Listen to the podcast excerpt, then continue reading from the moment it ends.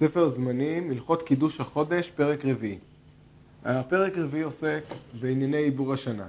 בפרק הראשון, בהלכות קידוש החודש, התבאר שעיבור השנה הוא חלק ממצוות קידוש החודש, והתכלית של עיבור השנה הוא למעשה לאפשר את קיומו של חג הפסח בעונת האביב, שמור את חודש האביב. בפרק הזה דן הרמב"ם בדיני עיבור השנה, כמו שראינו בפרקים הקודמים, גם הפרק הזה עוסק בזמן שקידשו את החודש על פי הראייה. בזמן שקידשו את החודש על פי הראייה, גם היו מעברים את השנה על פי כל מיני תנאי טבע, כל מיני אה, תופעות שקיימות בטבע, וכאשר הפסיקו לקדש על פי הראייה והיו מקדשים את החודשים על פי החשבון, גם קבעו את השנים, את עיבור השנים, קבעו על פי החשבון. הלכה א', שנה מעוברת היא השנה שמוסיפים בחודש, ואין מוסיפין לעולם אלא אדר. ועושים אותה שנה שני אדרים, אדר ראשון ואדר שני. מפני מה מוסיפין חודש זה? מפני זמן האביב, כדי שיהיה הפסח באותו זמן שנאמר שמור את חודש האביב, שיהיה חודש זה בזמן האביב. ולולא תוספת החודש הזה, היה הפסח בא פעמים בימות החמה ופעמים בימות הגשמים. מטרת כל העיבור השנה, כפי שאמרנו, היא כדי שפסח, חודש ניסן וחג הפסח יצאו בזמן האביב. מהו זמן האביב? האביב הוא הכינוי לתבואה הראשונה שמתחילה, שמבשילה. באופן עקרוני למעשה זה השעורה, השעורה מקדימה להבשיל, והאביב הוא תחילת השעורה. אמנם, האביב גם משמש לשימושים שונים, גם לתיאור של חודש ניסן הוא חודש האביב, וגם לתיאור של עונת השנה שבה יש את חודש ניסן היא עונת האביב. כאן נראה על פי השימוש של הרמב"ם שהרמב"ם מתכוון לדבר על עונת השנה. התכלית היא שחג הפסח יצא בעונת האביב, כמו שהוא אומר בסוף ההלכה, שלולא תוספת החודש הזה היה הפסח בא פעמים בימות החמה ופעמים בימות הגשמים. אז ניתן לומר שהתכלית של עיבור השנה היא כדי שחודש ניסן וחג הפסח יצאו לא בעונת הגשמים ולא בעונת החמה, משמעות הדברים בעונת האביב. הרמב"ם מדגיש לנו שעושים את העיבור דווקא בחודש אדר על פי דין הגמרא, והרמב"ם מוסיף, עושים אותה שנה שני אדרים, אדר ראשון ואדר שני, כדי שנבין שהמעמדו של החודש הוא כחודש אדר. ישנם דינים מיוחדים לחודש אדר, אמנם ביחס למקרא מגילה ומתנות לאביונים אמרה לנו המשנה שזה דבר שהוא מבחין בין אדר ראשון לאדר שני, אבל לעניין איסור הספד ותענית שווים שני האדרים, שני ימי פורים, זה שבאדר ראשון וזה שבאדר שני ולעוד מספר עניינים, ולכן הרמב"ם מדגיש שמדובר פה על שני אדרים. הלכה ב' השלושה סימנים מעברין את השנה, על התקופה ועל האביב ועל פירות האילן. כיצד? בית דין מחשבים ויודעים אם תהיה תקופת ניסן בשישה עשר בניסן או אחר זמן זה, מעברין אותה השנה, ויעשו אותו ניסן אדר שני, כדי שיהיה הפסח בזמן האביב. ועל סימן זה סומכין ומעברין ואין חוששין לסימן אחר. ישנם שלושה סימנים, בהלכה הזאת הרמב"ם מונה לנו את הסימן הראשון והוא גם הסימן המרכזי והוא העניין של התקופה. מהי התקופה? השנה מחולקת לארבעה חלקים. ארבעת החלקים הללו נקראים בדברי חז"ל תקופות. התקופה למעשה תלויה במיקומו של כדור הארץ במסלול שלו סביב השמש. כאשר כדור הארץ נמצא במקום מסוים מתחילה תקופת, ה... תקופת ניסן, אחרי זה תקופת תמוז, תקופת תשרי ותקופת טבת. למעשה, איך הדבר הזה בא לידי ביטוי? הוא בא לידי ביטוי מנקודת מבטנו על פי המקום שבו נראה את השמש בשמיים. במשך עונות השנה אפשר לראות שינוי במיקום של השמש בשמיים. השינוי הזה הוא קשור לעובדה שמסלול הארץ למעשה נע במסלול שלו סביב השמש והיחס בינו לבין השמש השתנה. ולכן ניתן לראות את השינוי בעיניים שלנו על פי מיקומה של השמש ועל פי הדבר הזה קבעו את תקופות השנה. הדבר הזה דבר שהוא נתון לחישוב ובעבר היו מחשבים מתי תחול בדיוק התקופה, תחילת התקופה, מתי יהיה היום הראשון של התקופה. אז אומר לנו הרמב"ם שהסימן של התקופה הוא סימן שבגללו מעברים את השנה. התקופה היא בדרך כלל ביטוי גם לתופעות של הטבע. עונות השנה הן תלויות למעשה במיקום של כדור הארץ ולכן הן תלויות למעשה בתקופה. התקופה היא לא סיבה, היא לא סיבה לעיבור השנה, אמרנו שעיבור השנה, הסיבה שלו זה כדי שיחול חודש ניסן בעונת האביב, אבל הוא סימן, כי כמעט תמיד ברגע שהתקופה תהיה תקופת ניסן, אז גם מבחינת תופעות הטבע תהיינה התופעות של תקופת האביב, הפריחה, הלבלוב והבשלת הפירות, ולכן התקופה היא מהווה סימן מרכזי לעיבור השנה. נציין שלעולם אנחנו לא נרצה שחודש ניסן יהיה לפני תחילת התקופה, כי אז הוא ייפול על ימות הגשמים. אומר הרמב"ם בסוף ההלכה שעל סימן זה סומכין ומעברין ואין חוששים לסימן אחר וזה מהסיבה שאמרנו שהתקופה הוא דבר ודאי שאומר לנו על מיקומו של כדור הארץ ועונות השנה והתופעות שקשורות לעונות השנה כמעט תמיד תלויים בקשר ישיר לזמן התקופה. הלכה ג' וכן אם ראו בית דין שעדיין לא הגיע האביב אלא עדיין אפלו ולא צמחו פירות האילן שדרכם לצמוח בזמן הפסח סומכים על שני סימנים אלו ומעברים, ומעברים את השנה. ואף על פי שהתקופה קודם לשישה עשר בניסן, הרי מעברים, כדי שיהיה האביב מצוי להקרין ממנו עומר התנופה בשישה עשר בניסן, וכדי שיהיו הפירות צומחים כדרך כל זמן האביב. כאן מדובר על שני הסימנים הנוספים. האחד הוא הבשלת התבואה. התבואה שממנה מקריבים את קורבן העומר, כפי שמדגיש לנו הרמב"ם בסוף ההלכה, כדי שיהיה האביב מצוי להקריב ממנו עומר התנופה. הדבר הזה מהווה לנו סימן שעדיין אנחנו לא נמצאים בעונת האביב ולכן הוא מהווה לנו סיבה מצדקת כדי לעבר את השנה. אמנם, כיוון שהדבר הזה הוא לא ודאי כמו התקופה, הוא חייב לבוא ביחד עם נתון נוסף והוא העובדה שפירות האילן עדיין לא צמחו. ייתכן שיהיה איזושהי מחלה שקשורה דווקא לתבואה ותגרום לזה שהתבואה לא תצמח. ולכן אנחנו עלולים, ואם נסמוך רק על זה, אנחנו עלולים לעבר את השנה שלא כדין.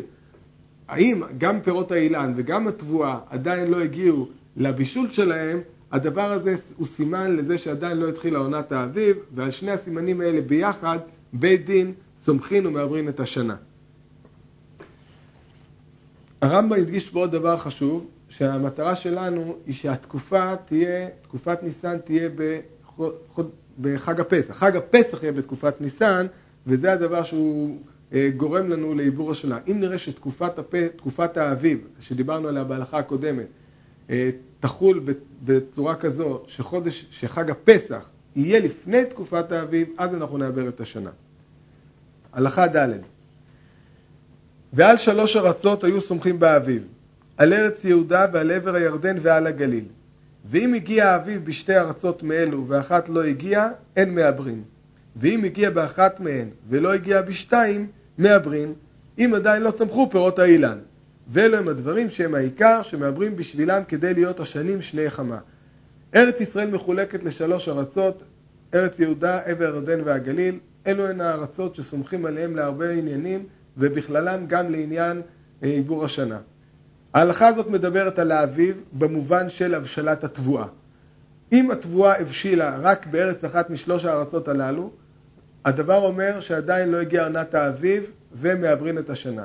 אם היא הבשילה בשתיים משלושת הארצות הללו, אז לא מעברים את השנה, והשנה נשארת כפי שהיא אמורה להיות, והדבר הזה הוא מודגש בעיקר בארץ יהודה, שארץ יהודה היא ארץ שממנה היו מקריבים את קורבן העומר. ולכן מאוד שמחו אם הדבר, אם האביב היה בארץ יהודה, אם ארץ יהודה הייתה אחת מהארצות הללו. הלכה A ויש שם דברים אחרים שהיו בית דין מעברין בשבילם מפני הצורך, ואלו הם מפני הדרכים שאינם מתוקנים ואינם יכולים לעלות, מעברים את השנה עד שיפסקו הגשמים ויתקנו הדרכים. ומפני הגשרים שנהרסו ונמצאו הנערות מפסיקים ומונים את העם ומסכנים בעצמם ומתים, מעברים את השנה עד שיתקנו הגשרים. ומפני תנורי פסחים שעבדו בגשמים ואין להם מקום לצלות את פסחיהם, מעברין את השנה עד שיבנו התנורים ויבשו. ומפני הגלויות גלויות ישראל שנעקרו ממקומם ועדיין לא הגיעו לירושלים, מעברין את השנה כדי שיהיה להם פנאי להגיע. יש להבחין בין הסימנים שמופיעים פה לבין הדברים שדיברנו עליהם בהלכה הקודמת. הדברים שדיברנו עליהם בהלכה הקודמת, שלושת הסימנים, התקופה, האביב והבשלת פירות האילן, הדברים הללו הם דברים שמכריחים את בית דין לעבר את השנה. אם בית דין לא יעברו את השנה על פי הסימנים הללו, אז יחול חג הפסח שלא בעונת האביב, והדבר הזה הוא דבר שנאסר עלינו והוא חלק מהתכלית, הוא התכלית למעשה של עיבור השנה, שחג הפסח יהיה באביב. הסימנים הללו הם לא סימנים שיגרמו לזה שחג פסח לא יחול בעונת האביב. אלא מה? יהיה פחות נוח לחגוג את חג הפסח, או שאלו שיצאו לדרך לא יגיעו לירושלים, או שלא יוכלו לצלות את הפסחים, או שהדבר יוביל אותם לידי סכנה. ואם הדברים האלה קיימים, לפעמים בית דין, אם הם רואים צורך, יכולים לעבר את השנה.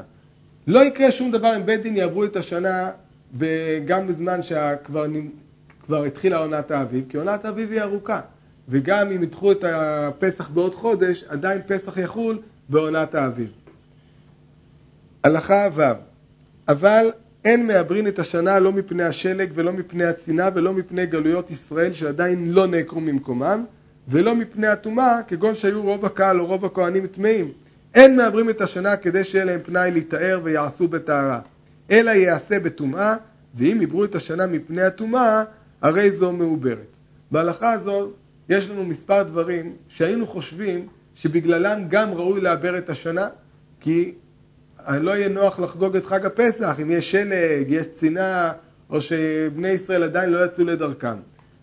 אומר לנו הרמב"ם בעקבות הגמרא, שהדברים הללו הם לא מהווים עילה לדחיית חג הפסח ולא מעברים בגללם את השנה. הדבר המעניין פה הוא העיבור מפני הטומאה.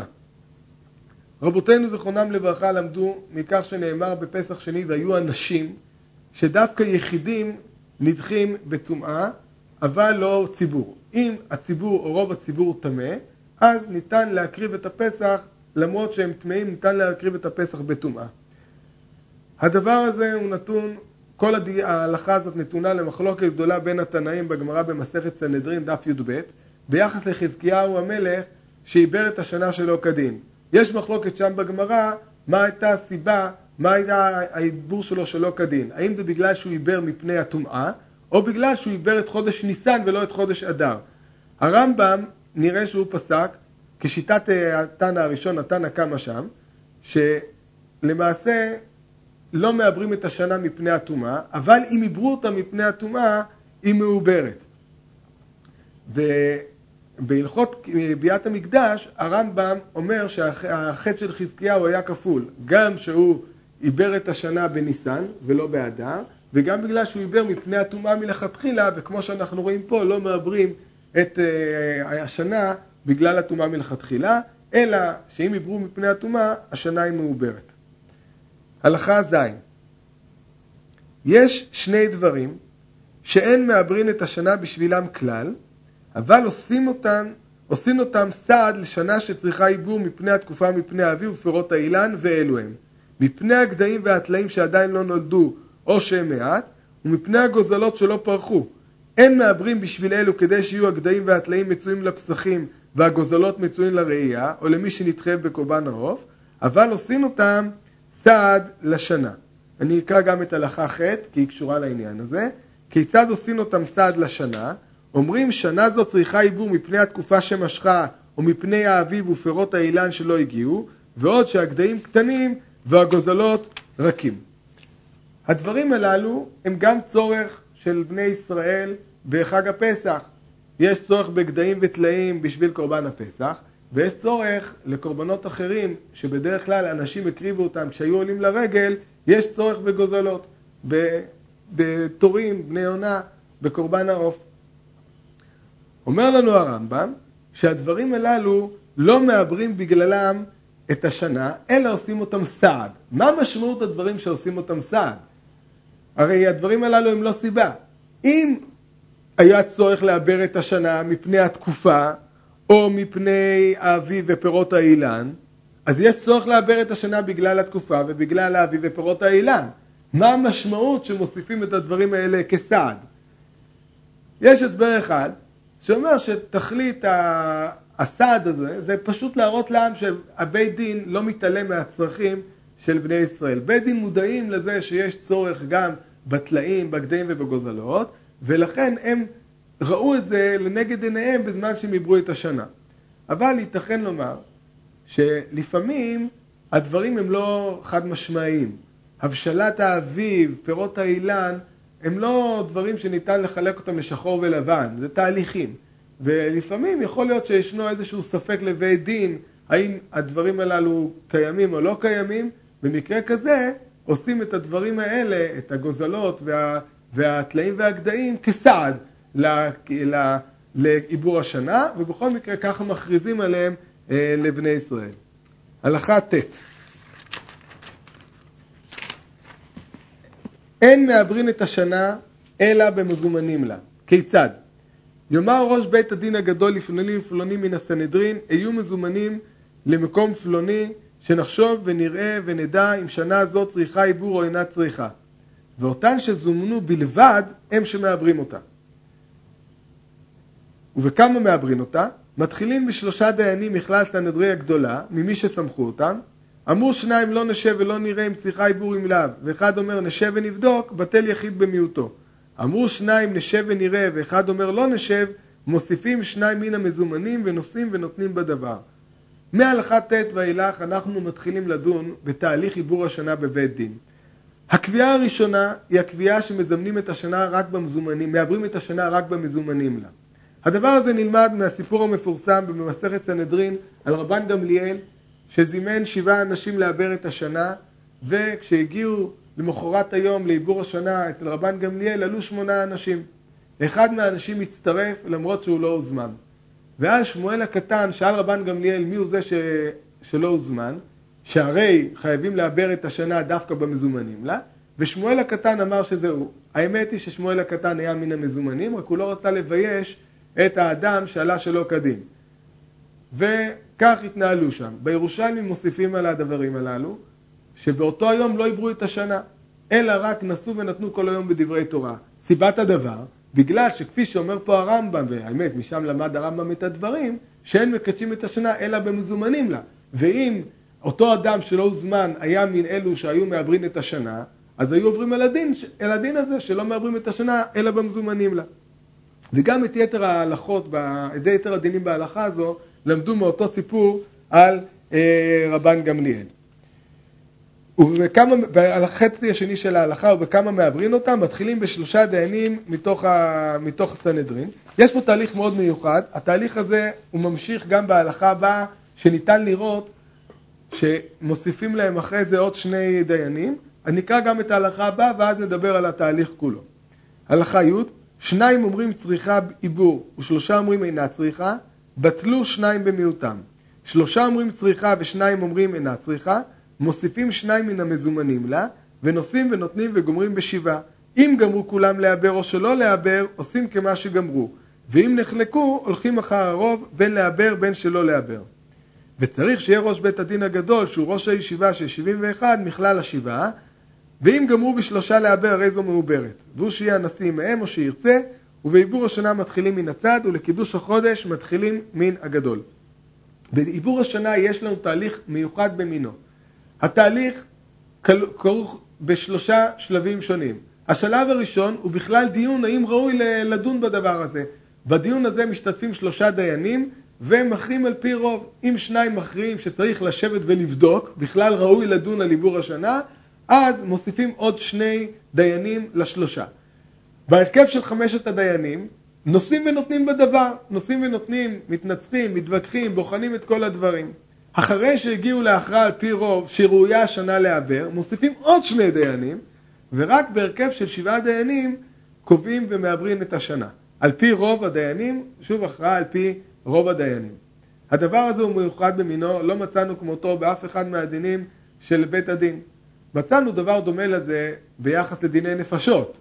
דומה אבל קצת שונה, בדיני נפשות צריך שההכרעה תהיה על פי רוב. אם יושבים בית דין של 23 דיינים ויש שם, אין שם רוב ניכר, 12 אומרים שהוא חייב ו-11 אומרים שהוא זכאי, אז מוסיפים עוד שני דיינים.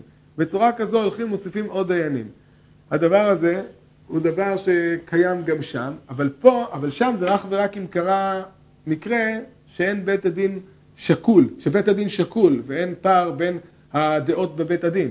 כאן מדובר על תהליך מלכתחילה. מלכתחילה כך קבעו את דיבור השנה, שבתהליך של שלושה דיינים שקובעים האם בכלל ראוי לדון, חמישה שדנים ושבעה שמחליטים ומעברים את השנה.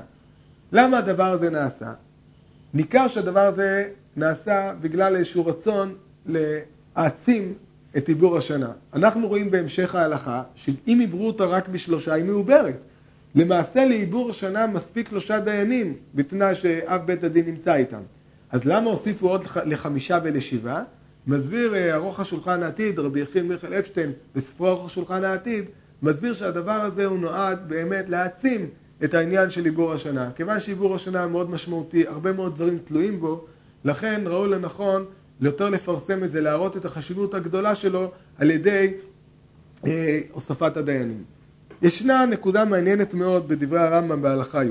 הרמב"ם אומר לנו, אם גמרו כולם לעבר או שלא לעבר, עושים כמה שגמרו, ואם נחלקו הולכים אחר הרוב בין לעבר בין שלא לעבר. כיוון שאנחנו רואים שהולכים אחר הרוב, למה צריך הרמב"ם להוסיף לנו שאם גמרו כולם לעבר או שלא לעבר עושים כמה שגמרו? הרי כבר אמרנו שהולכים אחר הרוב, קל וחומר לכאורה שהולכים אחר כולם. אם נאמר שיש אכן דמיון בין עיבור השנה לדיני נפשות, אז אפשר להבין את ההלכה הזאת. כי בדיני נפשות, לו יצויר שכל הדיינים קבעו שהאדם חייב מיתה, לא היו הורגים אותו. כי לא ייתכן שלא יימצא דיין שימצא לו זכות. ייתכן שכדי שלא נבוא ונטעה בנקודה הזו, אומר, מדגיש לנו הרמב"ם שגם אם קבעו כולם שהשנה ראויה לעבר או שלא לעבר, הולכים הולכים אחר הכרעת הכלל ולא דוחים את ההכרעה בגלל שאין מי שסובר את הצד השני. כלל נוסף חשוב שיש לנו בעיבור השנה הוא הצורך בראש בית דין הגדול, שהוא ראש הישיבה. השיתוף שלו מעכב. הדבר הזה גם מעיד אולי עניינו בגלל הצורך בחשיבות ובערך של אב בית הדין, שהדבר הזה יהיה ניכר לכולם שאין בו מחלוקות ושהוא נעשה על פי הסמכות שיש לבית הדין, ומטרתו לתת את התוקף של עיבור השנה לכלל ישראל. ייתכן מאוד והדברים קשורים לדברים שאומר לנו הרמב"ם בהלכות סנהדרין בפרק א' הלכה ג' שמשה רבנו, שמשה רבנו, שהוא היה רבם של ישראל, נשיא בית הדין הוא זה שעומד במקומו של משה רבנו. דבר שמדגיש את הערך הגדול של עיבור השנה. הלכה י"א אין מושיבין לעיבור השנה לא מלך ולא כהן גדול. מלך מפני חיילותיו ומלחמותיו שמא דעתו נוטה בשבילן לעבר או שלא לעבר. וכהן גדול מפני הצנעה שמא לא תהיה דעתו נוטה לעבר, כדי שלא יבוא תשרי בימי הקור והוא טובל ביום הכיפורים חמש טבילות. מלך וכהן גדול הם פסולים לדון בעיבור השנה, בגלל שאנחנו חוששים לאינטרסים שלהם, ואנחנו רוצים שכולם ידעו שעיבור השנה נעשה על פי דין, על פי עקרונות קבועים, עקרונות אובייקטיביים, ולא תלויים בצרכים ובשאיפות של אדם פרטי, ולכן אלו נפסלו לעיבור השנה. הלכה י"ב היה ראש בית דין הגדול והוא הנקרא נשיא בדרך רחוקה, אין מעברין אותה אלא על תנאי אם ירצה הנשיא. בא ורצה, הרי זו מעוברת. לא רצה, אינה מעוברת. כפי שראינו בהלכה י', יש צורך באב בית הדין, בנשיא, שהוא יהיה מכלל אלו שמעברים את השנה. פעמים שהנשיא יהיה בדרך רחוקה, ראינו מספר דוגמאות לזה בספרות חז"ל, שהנשיא לא היה בזמן שהיו צריכים לעבר את השנה.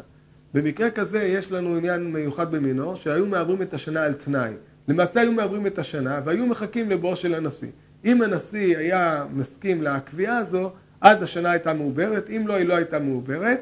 הדבר הזה נעשה בגלל מצד אחד הצורך לעבר את השנה לפני חודש ניסן, ומצד שני, בגלל הצורך שהנשיא יהיה מאלה שבין המעברין, או לפחות שייתן את הסכמתו לעיבור השנה.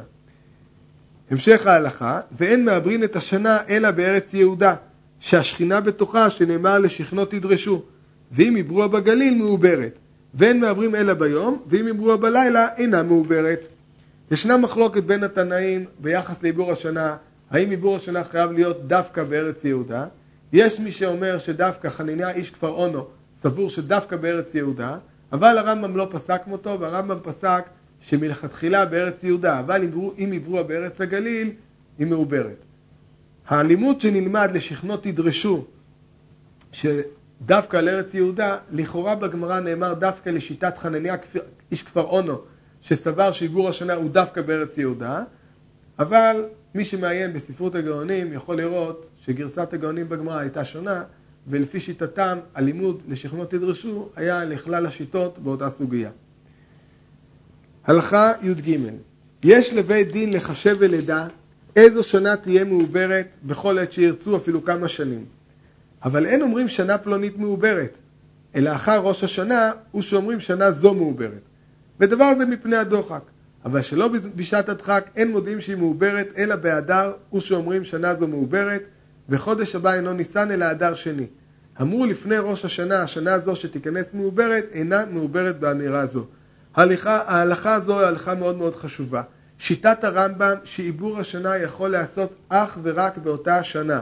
מלכתחילה צריך לעבר את השנה באדר, למרות שעיבור השנה נעשה על פי התקופה. את התקופה אפשר לחשב כבר מתחילת השנה, מתי תחול תקופת ניסן. אבל מלכתחילה רצוי לעבר את השנה דווקא באדר, כדי שלכולם יהיה ידוע, יהיה ניכר עיבור השנה, כדי שלא יהיה הבדלים בין שנים שונות, שלפעמים מעברים בתחילת שנה, לפעמים באדר. קבעו מלכתחילה לעבר את השנה באדר. אבל בדיעבד, אם יקבעו את עיבור השנה מראש השנה ואילך, כמובן על פי הסימן של התקופה, שהוא היחידי שניתן לחשב אותו, השנה היא מעוברת. אבל לפני ראש השנה היא לא מעוברת. לדבר הזה יש חשיבות מאוד מאוד גדולה, נראה בהמשך, בהמשך הפרק, את שיטת הרמב"ם, ליתר דיוק בפרק הבא, את שיטת הרמב"ם ביחס לעיבור השנה כמה שנים קדימה. שיטת הרמב"ם שאך ורק באותה שנה ניתן לעבר את השנה. הלכה י"ד הגיע יום שלושים באדר ולא עברו עדיין השנה, אין מעברין אותה כלל שאותו היום ראוי להיות ראש חודש ניסן, ומי שייכנס ניסן ולא עברו אינם יכולים לעבר. ואם עברוה ביום שלושים של אדר, הרי זו מעוברת. באו עדים אחר שעברוה והעידו על הירח, הרי אלו מקדשין את החודש ביום שלושים, ויהיה ראש חודש אדר שני. ואילו קידשו קודם שיעברו את השנה, שוב לא היו מעברין שאין מעברין בניסן. הזכרנו כבר קודם לכן שאין מעברין ניסן בניסן, ולכן מהרגע שנכנס חודש ניסן לא ניתן יותר לעבר את השנה. ייתכן מקרה שמצייר פה הרמב"ם שיעברו את השנה לפני שהגיעו העדים, יעברו את השנה ביום שלושים לפני שיגיעו העדים. הדבר הזה הוא בסדר, כי אחרי שעברו את השנה ניתן לקדש את החודש, וכמו שאומר לנו הרמב"ם, החודש הזה יהפוך להיות, ראש חודש הזה יהפוך להיות לראש חודש אדר שני. הלכה ט"ו אין מעברין את השנה בשנת רעבון, שהכל רצים לבית הגרנות לאכול ולחיות, ואי אפשר להוסיף להם זמן לאיסור החדש. ואין מעברין בשביעית שיד הכל שולטת על הספיחין, ולא ימצאו לקורבן העומר ושתי הלחם, ורגילים היו לעבר בערב שביעית. שנת רעבון, בשנת רעבון אנשים מחפשים תבואה. אם אנחנו נדחה להם את חג הפסח בחודש נוסף, משמעות הדבר שנדחה גם את הקרבת העומר, ומשמעות הדבר שלא יוכלו לאכול מהתבואה החדשה. ומהסיבה הזו אין לעבר את השנה בשנת רעבון. בשביעית, שאסור לזרוע ואין תבואה חדשה, סומכים על שני דברים, או על תבואה קודמת, או על הספיחין. הספיחין זה התבואה שעולה מאליה בשדות. ואם ידחו את השנה, יצא שכולם יתנפלו על הספיחים, ולא יישאר תבואה חדשה להקריב ממנה את קורבן העומר, ולכן לא מעברים את השנה גם בשנות שביעית, ומדגיש הרמב"ם שמעברים אותה בערב שביעית. אבל כאן עשויה להתעורר בעיה. הבעיה עשויה להתעורר אם אנחנו נדחה את, את פסח, אבל פסח צריך היה להיות בגלל עונת השנה באותו זמן, ייווצר מצב שחג פסח למעשה יחול בזמן הגשמים. ואמרנו שכל עיבור השנה תכליתו לדחות את חג הפסח כדי שחג הפסח לא יהיה בזמן הגשמים. ונמצא שבגלל שנות הרעבון או השביעית, בגלל חששות אלו ואחרים, אנחנו למעשה עוברים אל ציווי התורה של מועד חודש האביב.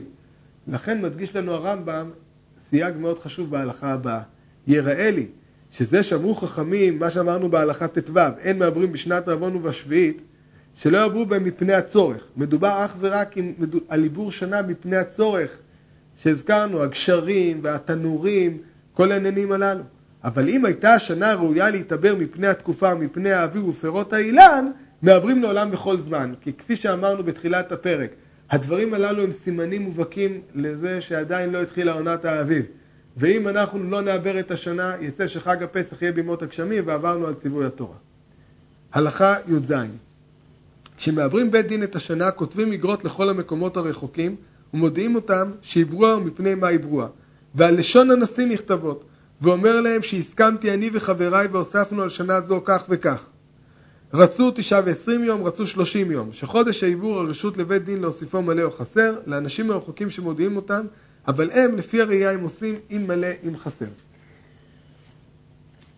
הזכרנו בתחילת הלכות אה, קידוש החודש, שאחד מהמרכיבים של מצוות קידוש החודש הוא גם היידוע, הפרסום של קידוש החודש ועיבור השנה לכלל ישראל, והוא שמדגיש הרמב"ם בהלכה הזו. שתי, שני דגשים חשובים, ראשית זה כתוב על לשונו של הנשיא. הזכרנו שהנשיא חייב להיות בין מעברי השנה, והדבר הזה נותן תוקף וחשיבות לעיבור השנה, ולכן גם האגרות היו כתובות על לשון הנשיא. הדבר הנוסף הוא העניין שגם היו כותבים האם חודש עתיד להיות מלא או חסר. הם יקדשו על פי הראייה וגם יודיעו לכלל ישראל. אבל כדי שיוכלו להתארגן ולהכין את עצמם ליציאה לדרך, ראו לנכון להגיד להם מה עתיד להיות החודש, וככה אנשים יוכלו לתכנן את עצמם, אם כי בית דין, בזמן שמקדשים על פי הראייה, יקדש את החודש על פי הראייה.